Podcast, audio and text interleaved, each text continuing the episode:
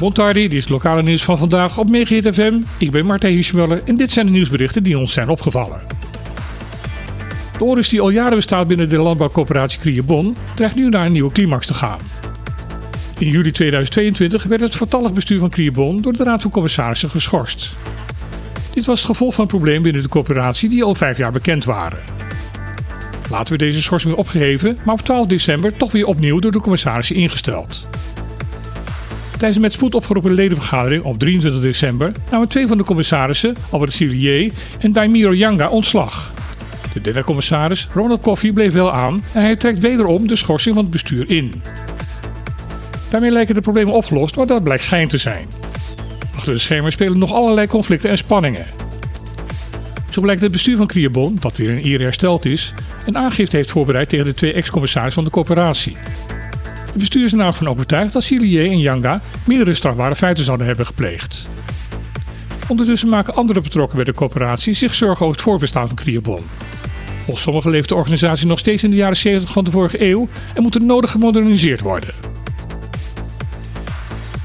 Het lokale bestuur van Bonaire heeft per 1 november 2022 met eigen interne financiële middelen de kosten van de elektriciteit voor de burger op het eiland verlaagd.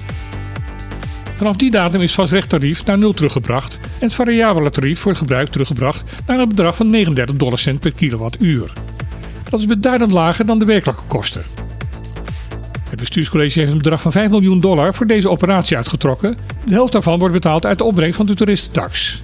De andere 2,5 miljoen moet komen uit een begrotingswijziging die nog moet worden goedgekeurd door de Eilandsraad. Deze tijdelijke subsidie van het OLB was geldig tot 31 december. Op 1 januari van dit jaar is er namelijk een subsidie beschikbaar gekomen van de Rijksoverheid.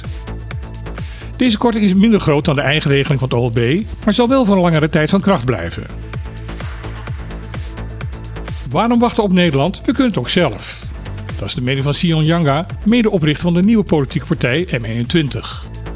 Hij heeft het over de prijs van de vliegticket tussen de verschillende eilanden voor de lokale bevolking. In een artikel op Bonaire.nu zegt Yanga dat er al sinds 2018 een rapport ligt dat alle mogelijkheden geeft aan de regering in Den Haag om de kosten te verlagen, maar dat dit niet gebeurt. Kort geleden heeft de minister van Infrastructuur aangekondigd dat de bespreking van dit onderwerp wederom een jaar zal worden uitgesteld. Daarom moet volgens Yanga het lokale bestuur zelf initiatief nemen. Wat wetgeving betreft staat volgens hem niks in de weg. Met bijvoorbeeld een deel van de toeristentax zou er een subsidieregeling kunnen komen voor reizigers naar de andere Koninkrijkseilanden die in bezit zijn van een cedula. Dit geld zou ook gebruikt kunnen worden om Bonaireaanse studenten die vanuit Nederland terugkomen naar hun eiland extra te ondersteunen. Volgens hem is hiervoor geen toestemming nodig uit Den Haag en kan het eilandbestuur dit heel goed zelf regelen. Het Nijpels, de kwartiermaker voor de klimaatstafel Bonaire, is aangekomen op Bonaire voor een inventariserend werkbezoek. Er staat voor de oud-politicus een drukke week voor de boeg. Milieuminister Jette heeft namelijk de Tweede Kamer beloofd dat Nijpels slechts eenmaal ons eiland zal gaan bezoeken. Dus zal deze week erop gericht zijn om in deze korte periode zoveel mogelijk informatie te verzamelen.